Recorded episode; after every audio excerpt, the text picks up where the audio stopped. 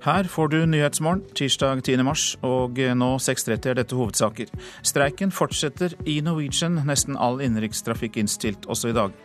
Franske idrettsstjerner drept i helikopterulykke i Argentina. Russland forsøker å så splid i Europa og mellom Europa og USA, sa EU-president Donald Tusk da han møtte Barack Obama. En av fire jenter på ungdomsskolen sliter med psykiske vansker, viser ny undersøkelse. Og tungtrafikk og fly kan få drivstoff fra kvister og blader. Så vi ser eh, store muligheter for at Norge også kan eh, ha en betydelig produksjon av, eh, av biodrivstoff basert på ressurser som er vanskelig å bruke til andre ting. Professor Therese Løvaas ved NTNU får vi også høre mer til her i sendingen. I studio i dag, Øystein Heggen. Norwegian-streiken er inne i sitt ellevte døgn. Også i dag blir det mange innstilte avganger. Nesten alle innenriksfly står på bakken, sier informasjonssjef Lasse Sandaker Nilsen. Dessverre så må vi nok belage oss på nok en eh, dag med kanselleringer og forsinkelser. Det er jo igjen norsk innenriks som rammes hardest, med så godt som alle flyvninger kansellert. Det beklager vi selvfølgelig overfor alle våre passasjerer. Rutene mellom de skandinaviske landene vil også bli eh, berørt. Eh, vi vil forsøke å gjennomføre eh, flyprogrammet mellom Skandinavia og Europa som normalt, men der må man dessverre forvente noen forsinkelser, også i verste fall noen kanselleringer. Langrutene mellom Skandinavia og USA og Skandinavia og Thailand vil fortsatt gå som normalt, sier Sandaker Nilsen. Også rutene mellom Spania og Skandinavia og London og Skandinavia er uberørt. Bare i dag blir minst 25 000 passasjerer rammet av streiken. Det beklager vi virkelig. og Hvis vi nå ser på det totale antall passasjerer som er blitt påvirka av denne streiken som da har vart altfor lenge, nå er vi på dag 11, Eh, så er det faktisk over 200 000 passasjerer som har blitt eh, berørt, og det er jo fryktelig. Når det kommer til eh, deres ansatte, er det flere nå som blir permittert? Vi kan jo ikke utelukke at det vil komme flere permitteringer dersom dette fortsetter nå framover, og at det ikke blir noe slutt på, på streiken. Det var altså informasjonssjef Lasse Sandaker Nilsen, reporter Kirsti Haga Honningsøy. Mannen som var etterlyst etter drapet på en norsk-pakistansk restauranteier i Oslo, ble tatt i Pakistan i natt, melder TV 2. Mohammed Ashad døde av slag mot hodet på Manglerud i september 2013. Totalt er fire menn tiltalt. Dom mot de tre andre har ikke falt ennå. De mener at 29-åringen som er tatt nå, var mest aktiv i drapet. Han nekter for å ha noe med drapet å gjøre. Forsvareren hans er Svein Holden. Han var ikke klar over at klientene var pågrepet da NRK snakket med ham for få minutter siden. Nei, jeg konstaterer at eh, det er medier nå som eh, skriver det. Eh, jeg vil selv bruke de neste timene til å forsøke å finne ut nøyaktig hva som har skjedd. Og så får vi vurdere om det er behov for at vi reiser til klienten og yter han bistand der han er. Har du vært i kontakt med han eh, før pågripelsen? Jeg har eh, vært eh, jevnlig i kontakt med han på telefon i den perioden han har vært etterlyst. Og det har ikke vært snakk om å overgi seg, ja, overgi seg i den perioden? Ja, Hva vi har snakket om, det, det får jeg nok la bli mellom oss. Forsvareren altså til den mannen som ble tatt i Pakistan i natt, eh, Svein Holden, hørte vi der, og reporter var Øsker Tufan. En gruppe franske idrettsstjerner er blant de ti som døde da to helikoptre krasjet i luften i Argentina. Årsaken til kollisjonen ved fjellene i den vestlige provinsen La Rioja i går kveld er ukjent. Idrettsutøverne var på vei til innspillingen av en reality-serie. Været var fint og sikten god. Likevel kolliderte de to helikoptrene. De skal ha drevet med filming om bord da ulykken skjedde. Åtte franske idrettsfolk er med i TV-serien der deltakerne slippes ned på ulike øde steder, og så må demonstrere hvordan de klarer å overleve uten medbrakte hjelpemidler. Dette er en TV-serie som har utgaver i flere land, også i Norge, der den sendes på TV 2. Innspillingen av denne franske utgaven startet i slutten av februar, og ulykken skjedde ved det populære turistmålet La Rioja, 110 mil nord for Argentinas hovedstad Buenos Aires. Alle de ti om bord omkom, tre av dem kjente franske idrettsstjerner. Florence Artaud er en av verdens beste seilere. Også svømmer og OL-vinner Camille Miffa og den olympiske bokseren Alexis Vastin var blant dem som omkom. De andre deltakerne i serien og TV-teamet på rundt 80 personer kom til Argentina allerede for noen dager siden. Reporter Anette Groth. Russland forsøker å så splid i Europa og mellom Europa og USA. Det sa EU-president Donald Tusk da han møtte USAs president Barack Obama i Det hvite hus i går. Begge var enige om at presset på Russland må fortsette. Ukraina var et av hovedtemaene da den tidligere polske statsministeren, nå EU-president Donald Tusk, møtte president Obama her i den amerikanske hovedstaden i går. Obama la vekt på at EU og USA må stå sammen om å øve press for at Russland og separatistene i Ukraina skal respektere Minsk-avtalen om å stanse kampene i Øst-Ukraina. Vel vitende om at det er nyanseforskjeller i synet på Russland innad i Europa, fulgte Tusk opp med at terroristene, som han sa, kan stanses gjennom enhetlig opptreden. Today we can see with uh, full clarity That, uh, Vi ser det klart at de forsøker å så splid, både innenfor Europa og mellom Europa og USA. Men ved å stå samlet vil vi kunne stanse Russlands aggressive politikk overfor naboene, sa Tusk. Det vi gjør i dag, vil avgjøre hvem vi er i morgen, sa EUs president, som uten tvil har Polens historie og et problematisk naboskap med Russland som en del av sin barnelærdom. Groholm, Washington. Elfenbenskystens tidligere førstedame Simone Gbagbo er dømt til 20 års fengsel.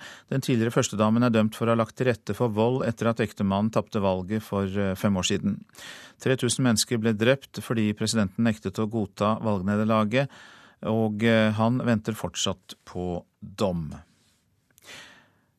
Én av fire jenter i eh, tiende klasse sier de sliter med press og forventninger som stilles til dem. Det viser en ny undersøkelse gjort ved Høgskolen i Oslo og Akershus. Kun hver tiende gutt i samme aldersgruppe svarer det samme. Forsker eh, Anders Bakken sier jentene opplever flere problemer i ungdomstiden. De kan føle håpløshet med tanke på framtida. En del har søvnproblemer og sliter med rett og slett å takle hverdagen på en del områder. På tiende trinn så, så, topper det seg. Da er det ca. en fjerdedel jentene som har et ganske høyt nivå av en del av disse plagene. Det sier forsker Arne Bakken ved Høgskolen i Oslo og Akershus. I tillegg til forventninger om gode karakterer på skolen, sier Bakken at jentene føler et press om å prestere, også på sosiale medier. Altså, vi ser jo at eh, gutter og jenter har et eh, ganske ulikt eh, mønster når det gjelder hvordan man bruker data og mobiltelefoner. Mens gutter bruker mye tid på dataspill, så bruker jenter veldig mye tid på sosiale medier. Og det er klart at De får et ganske massivt press på seg fra sosiale medier om å være vellykket. Enten det handler om å være en god venn, eller om det handler om å, ha et godt, et godt, utseende og en fin kropp, f.eks. Uh, ja, jeg tror det stemmer ganske bra. 17 år gamle Saskia Andersen og klassevenninnen Martine Grand Greve på Persbråten videregående i Oslo er enig med forskeren. Folk blir jo stresset av å ha flere ting. og Jenter liksom driver med sosiale medier og de har noe alltid å leve opp til. Da. Men jeg tror gutter har press på det også. Men jeg tror jenter er mye mer bare Jeg tror de snakker egentlig mye mer om det og er ja, mer, mer obs på det. Mer på det ja. Og presset på jenter ser ikke ut til å bli noe mindre med alderen, skal vi tro tall fra Studentsamskipnaden i Oslo og Akershus. I fjor hadde psykisk helseseksjon over 11 000 konsultasjoner, der flertallet var kvinnelige studenter, sier leder for helseavdelingen Kari Jussi Lønning. Det er eh, angst- og depresjonsproblematikk som eh, vi ser hyppigst eh, av de problemstillingene vi får hos oss. Av totalandelen av henvendelsene til oss, så ligger jentene opp mot 75% av henvendelsene. Lønning frykter konsekvensene dersom studentene ikke søker hjelp i tide. Det kan uh, ubehandlet bli slik at man reduserer funksjonsnivå og, og får et fall i det. Og som gjør at studieforløpet kanskje stopper opp, uh, eller at man faller ut av studiet. Reportere her Vegard Valestrand og Christian Elster. Nå til avisene. Den eneste vinneren er SAS, skriver Adresseavisen. Omdømmeekspertene er uenige om hvor hardt streiken på sikt vil ramme Norwegian, men de er enige om at streiken vil sikre SAS nye kunder. Pilotene føler seg sviktet, er oppslaget i Klassekampen. Norwegian-pilotenes leder Halvor Vatnar er skuffet over fagbevegelsen og fortvilet over passive politikere. Hvordan kan de sitte stille og se på omfattende streikebryteri, sier Vatnar. Fremtiden kan bli spanske piloter på norske innenriksflygninger, kan vi lese i Finansavisen. Ifølge avisen kan det f.eks. bli aktuelt å forlenge Norwegians ruter fra spanske flyplasser til Oslo, videre til andre norske byer, før flyet igjen returnerer til Spania. Turbulens i lufta er oppslaget i Dagsavisen. Etter å ha steget år etter år, har den norske flytrafikken flattet ut. Så langt i år har 122 000 færre passasjerer tatt fly enn på samme tid i fjor. Dyre vaner gir flere pensjonister inkassotrøbbel, kan vi lese i Aftenposten. Pensjonister spanderer på seg flotte reiser og et høyt personlig forbruk, men mange pådrar seg gjeld de ikke kan betjene. Ganske prekært, sier NHO-sjefen til Dagens Næringsliv når hun omtaler Norges næringsliv. Kristin Skogen Lund ber regjeringen gjøre det mer lønnsomt å investere i bedrifter og mindre lønnsomt å investere i bolig. For eh, nå er det laber investeringslyst, og én av fire bedrifter bremser. Mer om dette temaet også i Nyhetsmorgen etter klokka sju. Lønnskutt splitter de ansatte i oljeserviceselskapet Archer, skriver Stavanger Aftenblad. 85% av dem sa ja til lønnskutt og en lavere stillingsprosent for å redde 150 arbeidsplasser. Men nå viser det seg at de som sa nei til lønnskutt, får beholde lønna. Kunstner vil ruve over kirken, kan vi lese i Vårt Land. I Hokksund skaper det strid at kunstneren Morten Viskum skal reise en over 43 meter høy søyle med byste av seg selv på toppen. I nærheten står Haug kirke med et 11 meter lavere tårn. Det kan oppleves som et fremmedelement, men det går veldig fort over, sier kunstneren selv. Davy Vatne er for gammel for TV 2, skriver VG. TV-profilen får ikke fortsette i jobben etter fylte 67 år. Jeg skal ikke ha særbehandling, jeg er ikke rasende, og jeg er ikke fornærmet, sier Vatne selv. Syklisten Alexander Kristoff er i storform. I går tok han sin femte seier for året, med etappeseier da i det franske rittet Paris-Nice. Og lagkameraten Sven Erik Bystrøm ønsker å hjelpe Kristoff i vårsesongens store mål, som er Flandern rundt. Han har åpna sesongen utrolig sterkt, så så han er, vel, eh, han er vel en av verdens beste akkurat nå. Sven Erik Bystrøm er 23 år og ny av året på det russiske laget Katusha. Der har en annen nordmann, Alexander Kristoff, virkelig befesta sin posisjon. Sånn som det er nå, så er han eh, den utfødte kapteinen i, i, laget. Og ja, han er den, den rytteren laget bryr seg mest om. Og rollen som kaptein, den takler Kristoff utmerket. Han er utrolig lojal og gir alltid noe tilbake når, eh, når han vinner. og eh, Egentlig en veldig utrolig bra lagkamerat å ha. I fjor vant Kristoff klassikeren Milano San Remo. I år er det giganten Flandern rundt som gjelder. Bystrøm er i startgropa av si karriere, og dermed ikke fremst i rekken i Katusha. Men han håper han får hjelpe Kristoff til seier i Belgia om en liten måned står som reserve, så det finnes jo alltid en mulighet. Flandern rundt er et av de største løpene, og det er kanskje det et av de kuleste løpene som, som er. og Det er vel et løp jeg har drømt om å sykle siden jeg var veldig liten. Så men selvfølgelig er det stas å kanskje bidra til at uh, Alex kan ta en, en seier i det løpet. der. Men før Flandern har Kristoff flere seiersmuligheter i Paris-Nice. Etappen i dag og i morgen passer han utmerket. Dermed kan vi håpe på mer Kristoff-jubel i Frankrike. Om han, uh, om han, vinner i to etapper til, så, så er ikke det veldig overraskende. Det er bare det beviser nivået hans. Og eh, reporter her, det var eh, Henrik Agledal. Og det var altså Sven Erik Bystrøm som uttalte seg om lagkameraten Alexander eh, Kristoff. Du lytter til Nyhetsmorgen, og klokken den nærmer seg kvart på sju. Vi har disse hovedsakene. Norwegian-streiken fortsetter. Også i dag blir det mange innstilte flyavganger. Nesten alle innenriksfly står på bakken. Mannen som var etterlyst etter drapet på den norsk-pakistanske restauranteieren Mohammed Ashad, ble tatt i Pakistan i natt. Det melder TV 2. Russland forsøker å så splid i Europa mellom Europa og USA, sa EU-president Donald Tusk da han møtte Barack Obama i Det hvite hus. Og vi skal høre mer om jakten etter piratkopierte gjenstander litt seinere i Nyhetsmorgen.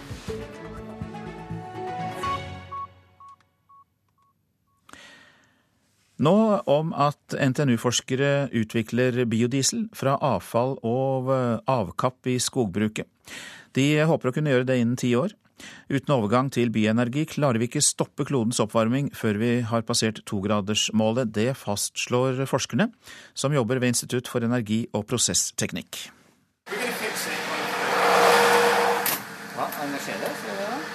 En dieselmotor bråker på en pidestall. Overalt stikker det ut ledninger og målere som registrerer forbrenninga i motoren. I naborommet på NTNU studerer professor Therese Løvaas ved Institutt for energi- og prosessteknikk dataen, sammen med stipendiat Oddgeir Tveit. Det funker helt fint. Eh, merker nesten ingen forskjell når vi kjører med biodrivstoff. Nå hører vi motoren som går der inne på andre generasjons biodrivstoff. Så det er den type biodrivstoff som produseres av uh, type avfall og biprodukter da, som ikke kan brukes til noe annet fornuftig. Hva slags avfall? Hva slags biprodukter? Det er uh, altså, typisk biprodukter fra skogindustri, uh, og, og, for så vidt også annen papir industri f.eks., som, som har biprodukter som, som de ikke lenger bruker. Akkurat det drivstoffet vi kjører på nå, er ikke produsert i Norge. Så her vil jeg tro at mye av biproduktene kommer fra landbruksindustrien. Epler, pærer og gamle brød? Antakeligvis mer eh, strå og halm som ikke, som ikke brukes i, eh, i, eh, i, landbruket. Hva slags muligheter har vi i Norge for å hente ut produkter som vi kan bruke til bioenergi, altså biodrivstoff? Vi har jo veldig mye skog i Norge. Og vi har en skogindustri som leter etter et nytt produkt som de kan bygge sin industri på. Så vi ser store muligheter for at Norge også kan ha en betydelig produksjon av, av biodrivstoff, da, basert på, på, på, ressurser som er vanskelig å bruke til, til andre ting. Dette er i all sin kompliserte enkelhet en viktig forskningssatsing for fremtidens energi ved NTNU. Dette biodrivstoffet skal produseres av avfall, og ikke som tidligere biodrivstoff fra produkter som kunne gått til mat. Forskerne på NTNU er ikke i tvil om at verden må satse også på bioenergi for å hindre en global oppvarming over to grader. Vi har det egentlig fryktelig travelt, fastslår professor Anders Hammer Strømman, også ved Institutt for prosess- og energiteknikk. Og Her kommer vi tilbake til på en måte biodrivstoff. da. Hva, er rollen til det? Vel, Det man ser for seg, er jo, det er jo den tungtransporten. Det er de løsning, det segmentet man ikke har noen gode andre løsninger på per i dag. Elektrifisering, hydrogen, eh, er lovende for biltrafikk, persontrafikk. Når vi går til tungtransport og fly, så er det få andre løsninger på bordet i dag enn eh, biodrivstoff eh, som et alternativ. Så er jo det segmentet man ser for seg her, da, at biodrivstoff kan gjøre en, bidra til løsning på. Og da, og da begrenser vi litt ressursbehovet også, og tilfanget. og Det er også den strategien vi støtter opp om. Det tror vi er en, en, en fornuftig vei å gå. biodrivstoff til tungtransport og fly, eh, og elektrifisering og hydrogen til persontransport. Det var en mann som gikk og vannet, så ut som han vanna maskinen. Han fylte på mer drivstoff. en grønn, grønn, fin økologisk kanne. Ja. Ikke alltid testene er høyteknologi, tydeligvis, men biodieselen fra jordbruksavfall virker like godt som vanlig diesel, ser det ut til. Innen ti år mener professor Therese Løvaas at vi bør ha utvikla en biodiesel basert på avkapp, greiner og blad fra skogbruksnæringen. Vi ønsker jo å, å, utvikle drivstoff som ikke er avhengig av veldig store eh, endringer på selve motoren. Da. Det skal helst være et drivstoff som kan blandes inn med fossilt, og så kan man øke andelen bio etter hvert. Denne reportasjen den var laget av Stein Lorentzen. I Florida i USA nekter guvernøren for å ha forbudt begrepene klimaendringer og global oppvarming i offentlige rapporter og i undervisningen. Rick Scott sier til avisa The Miami Herald at han aldri har gitt noen munnkurv, slik Florida Center for Investigative Reporting har skrevet. Scott nekter å svare på om han tror på klimaendringer. Nå til en veldig positiv nyhet, for det er eh, positiv utvikling når det gjelder omkomne i trafikken. I Hedmark og Oppland er det ingen personer som er drept i trafikken så langt i år. Trygg Trafikk kan ikke huske sist tallene var så positive for de to innlandsfylkene. Trafikkmengden øker fra år til år, men det blir færre ulykker. Det er artig å gå på jobben om dagen. Jeg har aldri opplevd det, at jeg har kommet på jobb måned etter måned. Nå vinner jeg den tredje måneden med null drepte her i Hedmark, så det er veldig, veldig positivt. Hun lar seg glede over utviklingen i en ellers dyster statistikk. Statistikken over drepte og skadde i trafikken. Marianne Mittet Solbrå har jobbet i tre og et halvt år som distriktsleder for Trygg Trafikk i Hedmark. For første gang har hun opplevd at ingen er blitt trafikkdrept i løpet av årets to første måneder. Jeg er positivt overraska. Når vi ser den trafikkøkninga siden 2000, så har trafikkmengden i Hedmark økt med 20 og likevel så er det nedadgående trend på ulykkene, så er jeg veldig glad. Og så tenker jeg at det er mange som skal klappe seg sjøl litt på skuldra. Det viktigste av alt er de som ferdes langs veien. At de som går over veien ser seg godt for. Eh, at de som kjører bilen er oppmerksom. Rolf Sevendal har jobbet med trafikk nesten hele sitt liv. Først som kjøreskolelærer på 80-tallet, senere som ansatt ved Biltilsynet, og nå i jobben som sjefsingeniør i Statens vegvesen. Han kan heller ikke huske et år uten dødsulykker i trafikken i løpet av de to første månedene.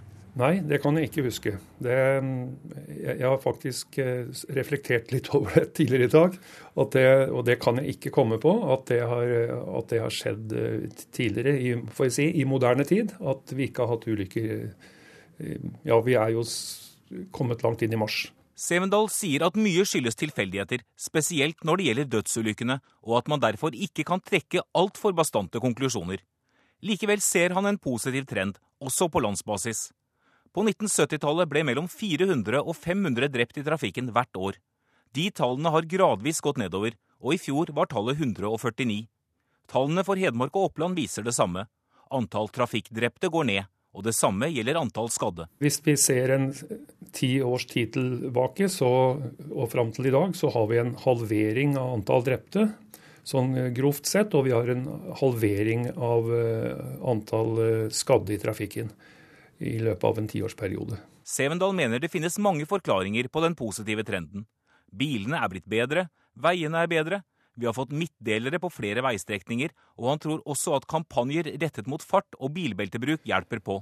Og Summen av dette eh, gjør altså at disse tallene går i riktig retning. og Hvis man eh, da skal begynne å si hva er viktigst her, så er det veldig vanskelig å svare på. Men jeg vil jo si at eh, for Hedmark eh, i hvert fall, og dels på Oppland, så er E6-utbyggingen den har vært veldig viktig.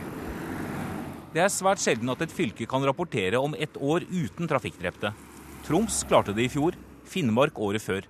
At Hedmark eller Oppland kan få et 2015 uten at noen dør i trafikken, har imidlertid Trygg Trafikk liten tro på. Nei, per i dag så tror jeg dessverre ikke det. Det er for mange som kjører med rus. Det er noen som kjører uten bilbelte. Eh, og det er noen som ikke er flink nok til å se seg for i trafikken. Sånn at, eh, og høy fart. Så eh, dessverre så tror ikke det. Jeg tror på mennesket, men ikke i 2015 i forhold til at ingen blir drept i Hedmark. Dessverre. Reporter her var Ola Bjørlo Strande. På landsbasis er ikke tallene for antall trafikkdrepte så langt i år klare, men ifølge SSB så var det sju mennesker som omkom i januar. Det er ti færre enn gjennomsnittet de siste ti årene. I Egypt er 25 politimenn skadd i et bombeangrep på Sinai-halvøya. Det sier sikkerhetskilder til Reuters. Angrepet skjedde ved politiets kontor i byen Al-Arish. Egyptiske myndigheter tror det er en selvmordsbomber som uh, sto bak angrepet. Dersom eh, meklingen for Norlandia-barnehagene ikke fører fram i dag, vil 187 ansatte i 14 barnehager bli tatt ut i streik fra i morgen. Partene i konflikten starter forhandlinger hos Riksmekleren klokka ti. Det er eh, Fagforbundet, Unio, Delta og lederne som vil ta ut medlemmer i streik hvis de ikke blir enige med arbeidsgiverorganisasjonen Spekter. Forhandlingene har pågått over en lengre tid uten resultat. Konflikten mellom partene handler først og fremst om pensjon, og det var altså Norlandia-barnehagene vi snakket om her. Norske tollere beslagla piratkopierte gjenstander for dobbelt så store verdier i fjor enn året før. Nå trapper regjeringen opp arbeidet mot piratkopiering. Og eh, vi ble med en privatetterforsker på jakt etter falske merkeklær i Oslo sentrum. Dette er jo sånn som vi legger merke til. vet du. Her har du altså en masse forskjellige varemerker som er kjente. Levis. Ja. Adidas. Replay. Og, og, og dette er jo ikke noen steder som du forbinder med sånne type merkevarer. Han har funnet en butikk med konkurssalg, Jon Christian Grøttum. Den tidligere Kripos-etterforskeren er nå en piratjeger, en som jakter på piratkopier av merkeklær. Disse kartongene er ofte limt, da, mens de originale er uten lim. Det er også et, et godt signal. Grøttum jakter på kjeltringer som det blir flere og flere av. Du kan lukte det òg, forresten, hvis det er brukt lim. Nye tall fra tollvesenet viser at det i fjor ble lagt beslag på piratkopierte gjenstander verdt 30 millioner kroner, mot 16 millioner året før. Dette bekymrer Otto Scharf i Patentstyret. Dette er et stort og økende problem i norsk næringsliv.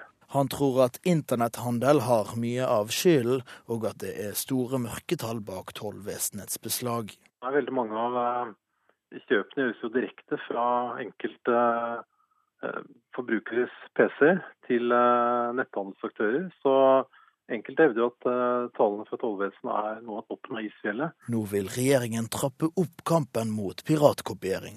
Trussel mot norsk næringsliv skal bl.a. demmes opp av den nye nettsiden velgekte.no, som næringsminister Monica Mæland lanserer denne uken. Dette er et stort og alvorlig problem. Eh, denne nettsiden gjør at næringslivet kan få kunnskap om hvordan de kan beskytte varene sine. Det viser òg konsekvensene av piratkopiering. Eh, og det gir òg forbrukere informasjon om hva som er lov og ikke. I tillegg så får du henvisning til hvor du kan ta kontakt hvis du tror at noe kriminelt foregår. Tilbake i butikken i Oslo sentrum har privatetterforsker Jon Christian Grøttum kommet med dommen over Levis-buksene han holder i hendene.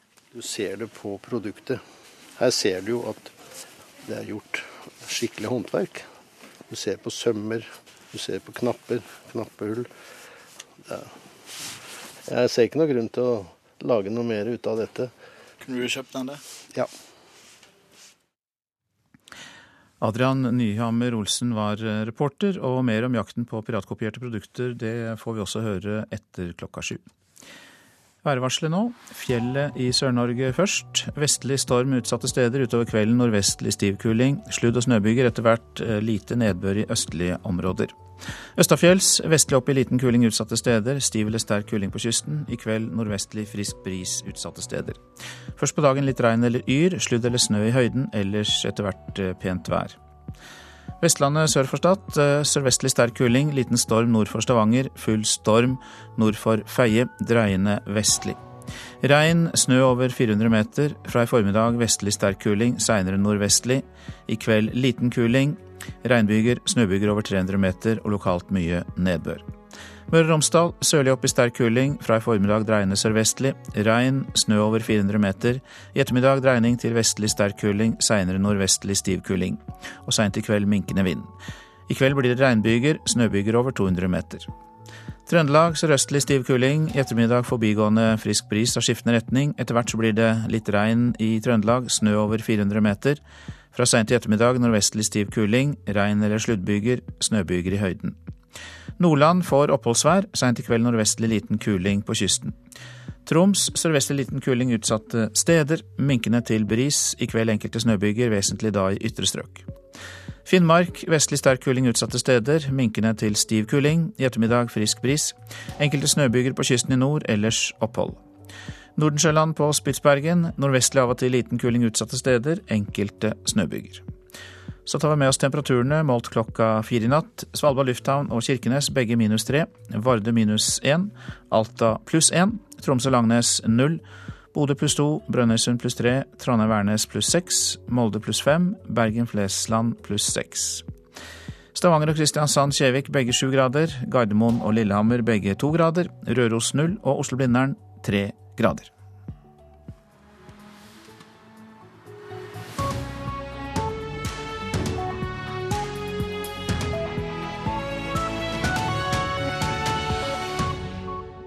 Dette er Nyhetsmorgen. Hvilken utdanning skal de unge velge når det blir vanskeligere arbeidsmarked og færre investeringer i næringslivet? Vi spør NHOs arbeidslivsdirektør.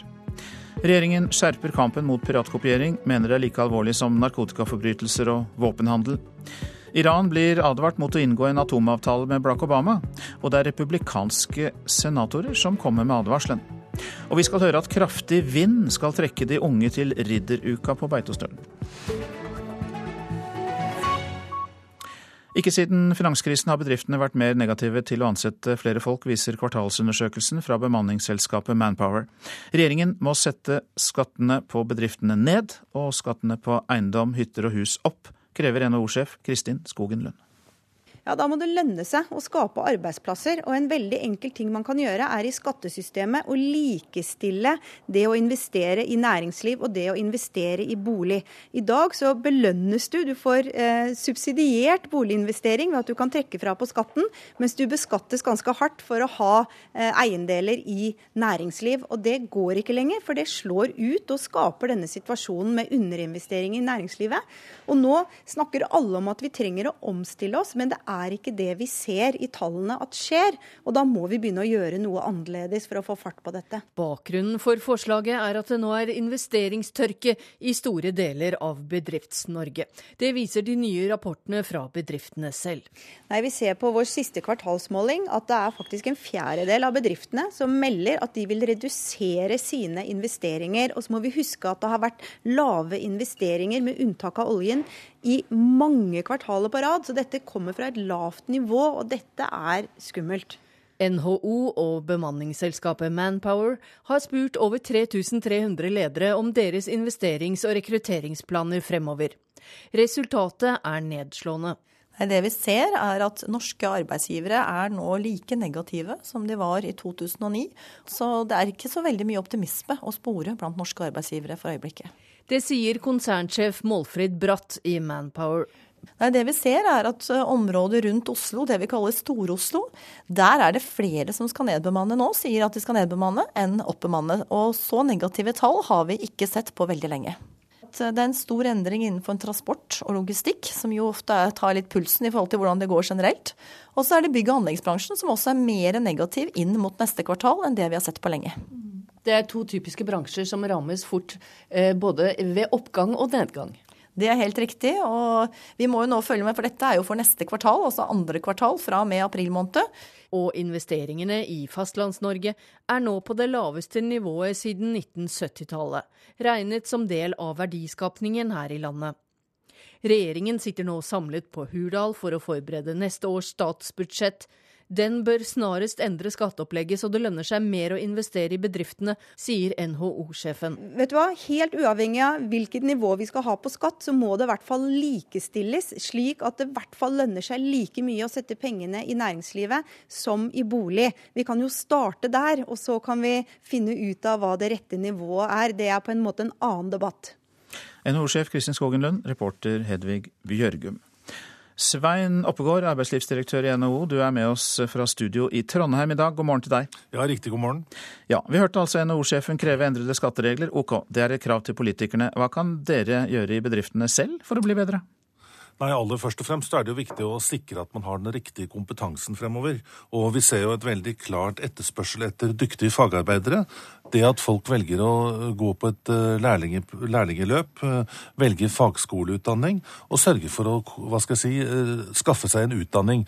For de ledighetstallene vi ser, de er veldig preget av at det er ungdom med lav kompetanse eller helt uten utdanning som på en måte kommer først i ledighetskøen. Jeg lovte jo da vi startet denne sendingen at jeg skulle spørre deg om nettopp det med de unge. Eh, hvilke yrker er det de bør eh, se etter nå og eh, utdanne seg til? Nei, vi har jo over lang tid nå sett en veldig klar tendens i at uh, de med fagutdanning, de som har tatt et fagbrev innenfor uh, viktige næringer, de er de som på en måte er den sikreste på arbeidsmarkedet. Og vi ser også at de som velger en annen utdanningsretning innenfor fagskolene, innenfor de tekniske fagene, innenfor naturvitenskapelige fag, ingeniørfag, også er de som er ganske sikre på arbeidsmarkedet. I tillegg selvfølgelig har vi også både økonomer og samfunnsvitere og de som velger humanistiske fag, men særlig innenfor de naturvitenskapelige, altså realfag, ingeniørfag, vil være en ganske sikkert kort fremover. Håndverkere og ingeniører i hvert fall, skjønner jeg på deg da. Ja. Men øh, hvilke andre tiltak enn skatt kan politikerne bidra med for å få hjulene i gang? Eh, det er jo mange mange elementer av dette. og Først og fremst så ligger det selvfølgelig også på NHO nokså nær å si at vi må ha et eh, ytterst moderat lønnsoppgjør. Men det er også andre deler av politikken som myndighetene og politikerne kan gjøre noe med. Og vi tenker jo også at permitteringsreglene burde mykes opp, slik at vi kom tilbake i en situasjon hvor det var lettere å holde på arbeidskraften i en periode hvor det er mangel på oppgaver. Og i tillegg så ligger det rundt de andre rammebetingelsene som er viktige. Men helt til slutt, eh, Oppegård, så kunne jeg jo gjerne utfordret deg med noen bedriftsledere som faktisk går rundt og er ganske fornøyd, fordi de er en suksesshistorie. Har du en eller to av de? Ja, Vi ser jo innenfor mange tjenesteytende næringer, og også innenfor mange industrivirksomheter, så går det ganske bra. Og vi, vi, ser jo også at tilgangen på arbeidskraft har jo vært ganske god. Det skyldes jo veldig mye god arbeidsinnvandring. Men det som er den lille bekymringen vår, det er jo at selv om antall sysselsatte øker, så, eller selv om antallet sysselsatte øker, så er andelen av den arbeidsføre befolkningen som er i arbeid, den er svakt nedadgående, slik at vi får noe høyere ledighet. Derfor er det viktig for ungdom å velge en studieretning, et yrke, som gir en sikkerhet for jobb fremover. Da tar vi med oss det videre. Takk skal du ha, Svein Oppegård, arbeidslivsdirektør i eh, NHO. Ja, det er eh, Norwegian-streik på dagsorden for oss i dag også. Det er ellevte dagen med streik. Rundt 150 000 passasjerer er rammet, og partene har hatt eh, mange forhandlinger i løpet av de siste dagene. Mange typer forhandlinger, kan vi nærmest si. Det ble lagt fram eh, nye forslag til løsning av konflikten i går, og eh, hjelp oss med dette, Hedvig Bjørgum. Hva kom ut av det? Ja, Advokatene til Norwegian og Parat eh, har altså i fellesskap eh, kommet med et nytt tilbud eh, som de vurderte i går. Det skrev vi på nrk.no da. Og hva som er lagt på bordet, det vil ingen av partene kommentere. Det er også ganske naturlig når man forhandler, siden de ikke vil at bl.a. vi skal blande oss opp i dette og gjøre ting enda vanskeligere. Vi har selvfølgelig prøvd å få partene i tale nå på morgenkvisten. Men så langt har vi ikke lykkes i å få noen av dem i tale. Vi har eh, derimot fått eh, beskjed om at de ikke kan kommentere på nåværende tidspunkt. Og det kan jo bety at de forhandler, eller at de spiser, eller at de sover, eller at de eh, tautrekker med hverandre rundt et bord. Eh, dette vet vi ikke akkurat eh, nå. Eh, for hvor de forhandler, og når de forhandler, det er også hemmelig. Heller ikke pilotene vil eh, kommentere, og vi har ikke fått tak i Norwegians talspersoner. Ja, hva skjer utover dagen, eller hva tror du, er det vel riktigere å spørre, skjer utover dagen? Når det er så usikkert, mener jeg. Ja, Nå har det jo vært ganske usikkert ganske lenge. De hadde jo bl.a. en over ett døgn lang forhandling i helgen. Eh, og det er klart at eh, de prøver eh, Vi skal sikkert tro dem når de sier at de prøver å finne en forhandlingsløsning, og så skal vi tro dem når de sier hvor vanskelig det er. For dette er vanskelig. Det er en kamp som ikke bare gjelder kroner og øre, men som gjelder et prinsipp om hvor i selskapet pilotene skal ha sin tilknytning. Flygerne har har jo sagt at eh, de vil ha en eh, arbeidsavtale med dem som bestemmer. Ifølge dem er det Norwegian Air Shuttle, og, eh, mens de i dag er eh, organisert i eh, datterselskapet Nan. Eh, selskapet mener at det kravet i utgangspunktet truer sikkerheten for hele selskapet. Eh, men likevel så så vi at eh, Norwegian og Bjørn Kjos tilbød ordninger på et tidligere tidspunkt i forhandlingene som går på tvers av selskapet. Men da i en avgrenset periode, og med en del forbehold. Forbehold som pilotene for øvrig mener undergraver verdien av dette tilbudet. Og der står saken, og jeg antar det er det samme de, snakker om nå. Takk skal du ha i denne omgang, Hedvig Bjørgum. Det har blitt flere piratprodukter på det norske markedet, som leketøy, medisiner og elektriske artikler.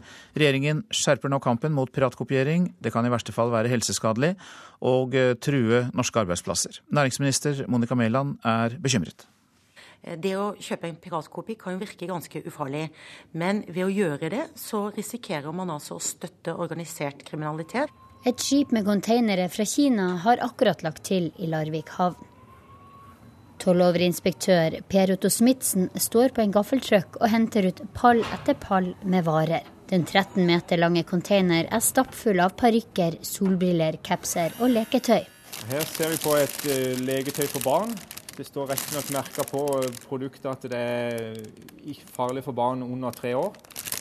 Det står CE-merke på plastikken, men ingen uh, norsk tekst i det hele tatt. Med andre ord en piratkopi, som kan være farlig. For barn kan de, hvis de slikker på leketøy som ikke er produsert etter kravene, så kan de få i seg farlige stoffer. Verdien av beslag av falske varer ble dobla fra 2013 til i fjor. Og nå vil regjeringa altså styrke innsatsen mot piratkopiering. Denne uka lanseres et nytt nettsted, velgekte.no, som Patentstyret, Kulturdepartementet og Tollvesenet står bak. Det er fordi at eh, dette er et stort internasjonalt eh, problem, og fordi man internasjonalt anbefaler å lage nettverk som gjør det enklere å utveksle informasjon myndigheter imellom, men òg koble på næringslivet og forbrukere. Forteller næringsminister Monica Mæland. Europol har løfta opp piratkopiering på lista over Europas største kriminalitetstrusler, på linje med narkotika, hvitvasking og våpenhandel. En viktig grunn til det er en sterk økning i beslag av falske varer som er en trussel mot helse og sikkerhet. Det er òg et stort samfunnsproblem.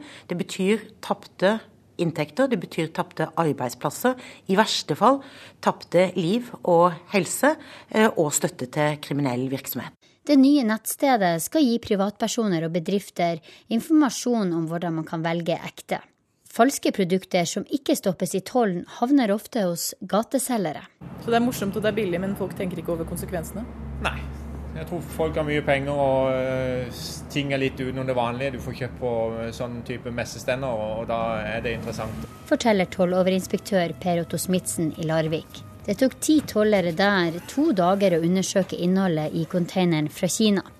Bare her fant de tusenvis av piratkopier. Hvor utbredt er det at dere finner merker som kanskje av pakningen står det CR-merket, men så finner dere at eh, f.eks. et leketøy ikke er CR-merket? Ja, vi kommer over det ganske ofte, egentlig. Elektriske apparater òg. Ladere til mobiltelefoner som eh, kan gå i stykker eller begynne å brenne. Noen tilfredsstiller ikke kravene i det hele tatt. Altså de, bare du stikker den i stikkontakten, så tar den fyr. Og denne reportasjen var laget av Anne Melsom Bjerke og Linda Reinholdsen. Du lytter til Nyhetsmorgen. Klokka den nærmer seg 7.16. Dette er hovedsaker. Norwegian-streiken fortsetter. Nesten alle Norwegians innenriksfly er innstilt, også i dag. Mørkere arbeidsmarked og færre investeringer. Skatt på eiendom må opp. Bedriftsskatten må ned, krever NHO. Regjeringen skjerper altså kampen mot piratkopiering, som vi hørte, mener det kan være like alvorlig som narkotikaforbrytelser og våpenhandel. Nå advarer 47 amerikanske senatorer Iran mot å inngå en atomavtale med president Barack Obama. I et brev til Irans ledere skriver de republikanske senatorene at en avtale som inngås uten Kongressens godkjenning, kan oppheves av USAs neste president. I det åpne brevet til Irans ledelse skriver de 47 republikanske senatorene at enhver avtale uten Kongressens godkjennelse kan trekkes tilbake med et pennestrøk av den neste presidenten, og at Kongressen på ethvert tidspunkt kan gjøre endringer i avtalen. I forrige uke advarte Israels statsminister Benjamin Netanyahu Kongressen mot enhver avtale som ikke innebærer totalforbud mot at Iran kan anrike uran. Den avtalen som Obama-administrasjonen nå forhandler om, innebærer ikke totalforbud, men derimot et inspeksjonsregime som skal sikre at Iran ikke blir i stand til å produsere atomvåpen. Det er ikke nok, mener mange folkevalgte, og senator Bill Cassidy fra Louisiana forsvarer brevet slik. Why is it wrong to tell somebody what our system of government is, and that the Congress is a co-equal branch of government? Hvorfor er det så galt å fortelle noen hvordan vårt politiske system fungerer, og at Kongressen er en del av det systemet, sa Cassidy til CNN. Feil, svarte president Obamas pressetalsmann Josh Ernest i går. Brevet går ut over den rollen Kongressen skal spille, ifølge dem som skrev Grunnloven. For det er presidenten og hans administrasjon som har ansvaret for å drive utenrikspolitikk og forsvare landets nasjonale interesser. Brevet er et forsøk på å undergrave hans mulighet til å gjøre nettopp det, sa Ernest. Irans utenriksminister Mohammed Javed Zarif sier i en skriftlig kommentar at brevet ikke har noen juridisk verdi og bare er propaganda. Senatorene må vite at folkeretten ikke tillater Kongressen å endre innholdet i en avtale inngått med den amerikanske regjeringen. En eventuell avtale med Iran vil dessuten være en avtale med de fire andre faste medlemmene av FNs sikkerhetsråd, pluss Tyskland. President Obama selv kommenterte Iran-forhandlingene i et intervju på fjernsynskanalen CBS søndag. Han nølte med å bekrefte at det nå er 50% sannsynlighet for en avtale. If we are uh, Uh, Hvis vi klarer å få bekreftet at de ikke utvikler våpensystemer, så får vi en avtale. Men det forutsetter at de godtar inspeksjoner og begrensninger som Iran så langt ikke har sagt ja til, sa Obama. Groholm, Washington.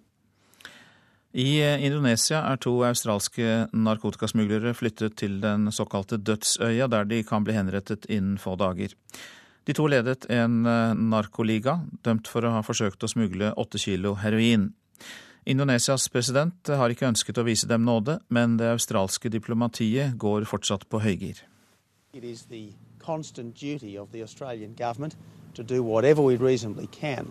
to protect our citizens, uh, to defend our interests, and to advance our values. And while we deplore drug crime, uh, we deplore the death penalty as well. Det er regjeringens plikt å gjøre alt vi kan for å beskytte våre borgere.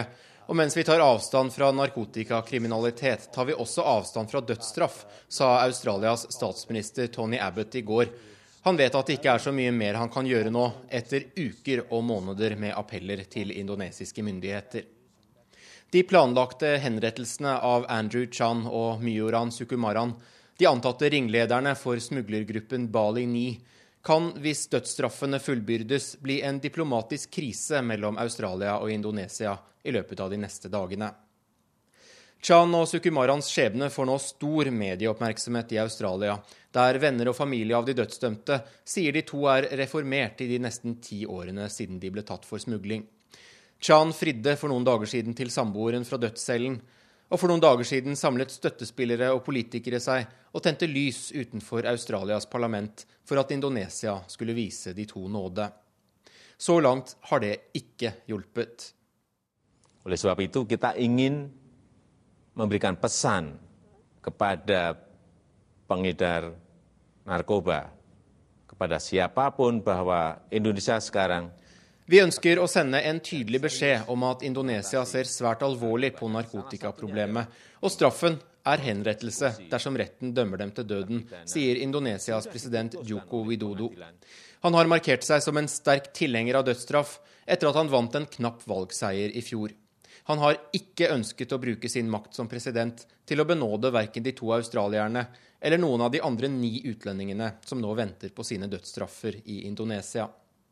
Han mener Indonesias narkotikaproblem er for stort, og at narkotikaen tar hundretusenvis av indonesiske liv. Shan og Sukumaran er nå flyttet fra fengselet på ferieøya Bali til Indonesias dødsøy, Nusakambangan, hvor også flere indonesiske marineskip har lagt til utenfor. Australia mener det er en helt unødvendig demonstrasjon av militærmakt. I går fikk familiene besøke dem i fengselet på Fangeøya. Fairly excited to go and see Andy today. Um, and, uh, you know, it's been a few days, so, you know, we're just looking forward to seeing when we get over there to give him a hug. Jeg er spent på å treffe Andy i dag. Gleder meg til å møte ham og gi ham en stor klem, sa broren hans, Michael Chan, til det store pressekorpset. Australias utenriksminister Julie Bishops forsøk på å løse saken gjennom en fangeutveksling med Indonesia ble avvist i forrige uke. Balis administrative domstol skal behandle det som regnes som den aller siste ankemuligheten torsdag i denne uken. Men sjansene for at henrettelsene blir stanset, anses også her for å være ganske små. Henrettelsene av utenlandske statsborgere i Indonesia førte nylig til at både Brasil og Nederland tilbakekalte sine ambassadører, uten at det ser ut til å ha påvirket presidenten. I løpet av de neste dagene kan det hende at også Australias ambassadør sitter på flyet hjem. Peter Svaar, Beijing. Så til det avisen er opptatt av i dag. Den eneste vinneren er SAS, skriver Adresseavisen. Omdømmeekspertene er uenige om hvor hardt streiken på sikt vil ramme Norwegian, men de er enige om at streiken sikrer SAS nye kunder. Pilotene føler seg sviktet, er oppslaget i Klassekampen. Norwegian-pilotenes leder, Halvor Vatnar, er skuffet over fagbevegelsen og fortvilet over passive politikere. Hvordan kan de sitte og se på omfattende streikebryteri, sier Vatnar. Fremtiden kan bli spanske piloter på norske innenriksflygninger, kan vi lese i Finansavisen. Ifølge avisen kan det f.eks. bli aktuelt å forlenge Norwegians ruter fra spanske flyplasser til Oslo, videre til andre norske byer, før flyet igjen returnerer til Spania. Turbulens i lufta er oppslaget i Dagsavisen. Etter å ha steget eh, år etter år har den norske flytrafikken flatet ut. Så langt i år har 122 000 færre passasjerer tatt fly enn på samme tid i fjor. Dyre vaner gir flere pensjonister inkassotrøbbel, kan vi lese i Aftenposten. Pensjonister spanderer på seg flotte ferier og et høyt personlig forbruk, men mange pådrar seg gjeld de ikke kan betjene. Ganske prekært, sier NHO-sjefen til Dagens Næringsliv når hun omtaler Norges næringsliv. Kristin Skogen Lønn ber regjeringen gjøre mer for å gjøre det lønnsomt å investere i bedriftene. Lønnskutt splitter de ansatte i oljeserviceselskapet Archer, skriver Stavanger Aftenblad. 85% av dem sa ja til lønnskutt og en lavere stillingsprosent for å redde 150 arbeidsplasser. Men nå viser det seg at de som sa nei til kutt, får beholde lønna. Davy Vatne er for gammel for TV 2, skriver VG. TV-profilen får ikke fortsette i jobben etter fylte 67 år. Jeg skal ikke ha særbehandling, jeg er ikke rasende og jeg er ikke fornærmet. Det sier Vatne selv. Kunstner vil ruve over kirken, kan vi lese i Vårt Land. I Hokksund skaper det strid at kunstneren Morten Viskum skal reise en over 43 meter høy søyle med byste av seg selv på toppen. I nærheten står nemlig Haug kirke med et 11 meter lavere tårn. Det kan oppleves som et fremmedelement, men det går veldig fort over, sier kunstneren selv, Morten Viskum. Nå til Oppland og Beitostølen. Ridderuka ønsker seg yngre deltakere og legger programmet opp deretter. Og vinden på vidda skal tas i bruk. Nå skal nemlig kiting lokke unge funksjonshemmede under 30 år til ridderuka. Ryggen din inn i vinden. Sånn, ja! I sterk vind og strålende sol like i nærheten av Beitostølen underviser kiteinstruktør Kesia Karoline Olaussen ivrige kiteelever som deltar på kitekurs under årets ridderveke. Som et ledd i en satsing for å lokke til seg yngre deltakere, har Ridderveka for første gang kiting på programmet. Og deltakerne de storkoser seg, til tross for noen ekstra utfordringer. Svaksynte Anna Hellstrøm prøver kiting for første gang. Det var jo kjempemorsomt. Det er kraftig vind i dag, og det er en del kast også. Og du kjenner virkelig kraften i vinden når du tar tak i det. Men hvordan er det for deg som er svaksynt å, å skulle styre en kite i kraftig vind? Nei, det, det, er godt å ha guiden i nærheten i dag, altså. Det er det. Fordi at når den kommer opp eh, mot sola, så ser jeg ikke kiten. Jeg må liksom ha den i riktige lysforhold, da, da går det bra. Så eh, litt hjelp trenger jeg jo. Ridderveka på Beitostølen i Østre Slidre er verdens største årlige vintersportsveke for syns- og bevegelseshemmede. Arrangementet avsluttes med det tradisjonsrike Ridderendet på lørdag, mens i dagene før står mange forskjellige fysiske aktiviteter på programmet. 440 deltakere er på Beitostølen denne veka, og sjøl om det er 20 flere enn i fjor, har det fortsatt plass til enda flere deltakere. De har kapasitet til 500 denne veka, og generalsekretær for ridderne, Elisabeth Kollerød, ønsker nå å tiltrekke seg enda flere under 30 år. Eh, vi jo et, er jo en uke som har veldig tradisjonelle øvelser. Langrenn og alpint og skiskyting. Og så begynte vi med snowboard for noen år siden. Eh, og da føler vi det er helt riktig å supplere med aktiviteter som kiting. Fordi vi trenger yngre, å rekruttere flere yngre deltakere til Ridderuka. Vi tror at dette er en aktivitet som kan bidra til det. Hvorfor vil du så gjerne ha med deg unge? Eh, nei, altså For at ridderne skal på en måte eksistere i fremtiden, så er vi nødt for å ha en yngre base deltakere. Um, og for at vi skal få med flere unge, så må det jo være noen unge her oppe. Det er ingen unge som har lyst til å reise et sted hvor det bare er 50-60-åringer. Så nå er det jo ikke det. Vi har jo uh, rundt 25% av deltakerne våre er jo under 30 år. Men vi vil gjerne ha flere. Og kiting det kan de aller fleste prøve seg på, så lenge en har én sterk arm. Det sier kiteinstruktør Olaussen. Eh, kiting kan egentlig brukes som en ekstra uh, forlengelse av kroppen din som kan brukes til å forflytte seg rundt. F.eks. en blind person vil jo kanskje ikke se omgivelsene, ikke sant? men kiten den vil du alltid kunne kjenne. Når jeg har lært meg å kite, så ser ikke jeg på kiten lenger. Til å begynne med så er det veldig mange som titter mye på kiten, men etter hvert så blir den en forlengelse av kroppen din, og du ser egentlig ikke på den. Og, og folk som er synshemmede, de har jo også veldig mye mer følelse i fingrene, og har mye mer forståelse av det å kjenne det gjennom kroppen. Kitekurset med 30 plasser ble fulltegna på kort tid. Anna og de andre deltakerne setter egne grenser på prøve i det sterke vindkastet på fjellet. Det, det er jo sterke krefter i det. Eh, og som jeg sier, når vi først kom over eh, liksom Åskammen her og begynte å kjenne vinden bare når vi gikk bortover, så det kribler godt i magen. Det gjorde det. Eh, men det er noe som tenner i meg virkelig. Så det, det var kjempemoro å kjenne den der kraften i den. Reporter her, det var Sigrid Havik Berge. Du lytter til Nyhetsmorgen. Produsent i dag Tonje Grimstad. Her i studio Øystein Heggen. Energimangelen i Japan tvinger fram strøm fra nudler. Mer om det i reportasjen etter Dagsnytt. I Politisk kvarter debatteres NHO-sjefens utspill om at det må bli like gunstig å putte penger i bedrifter som i hus og hytter. Og eh, vi skal også høre fra Høyres unge ordførerkandidat i Tromsø, som bare er 23 år gammel.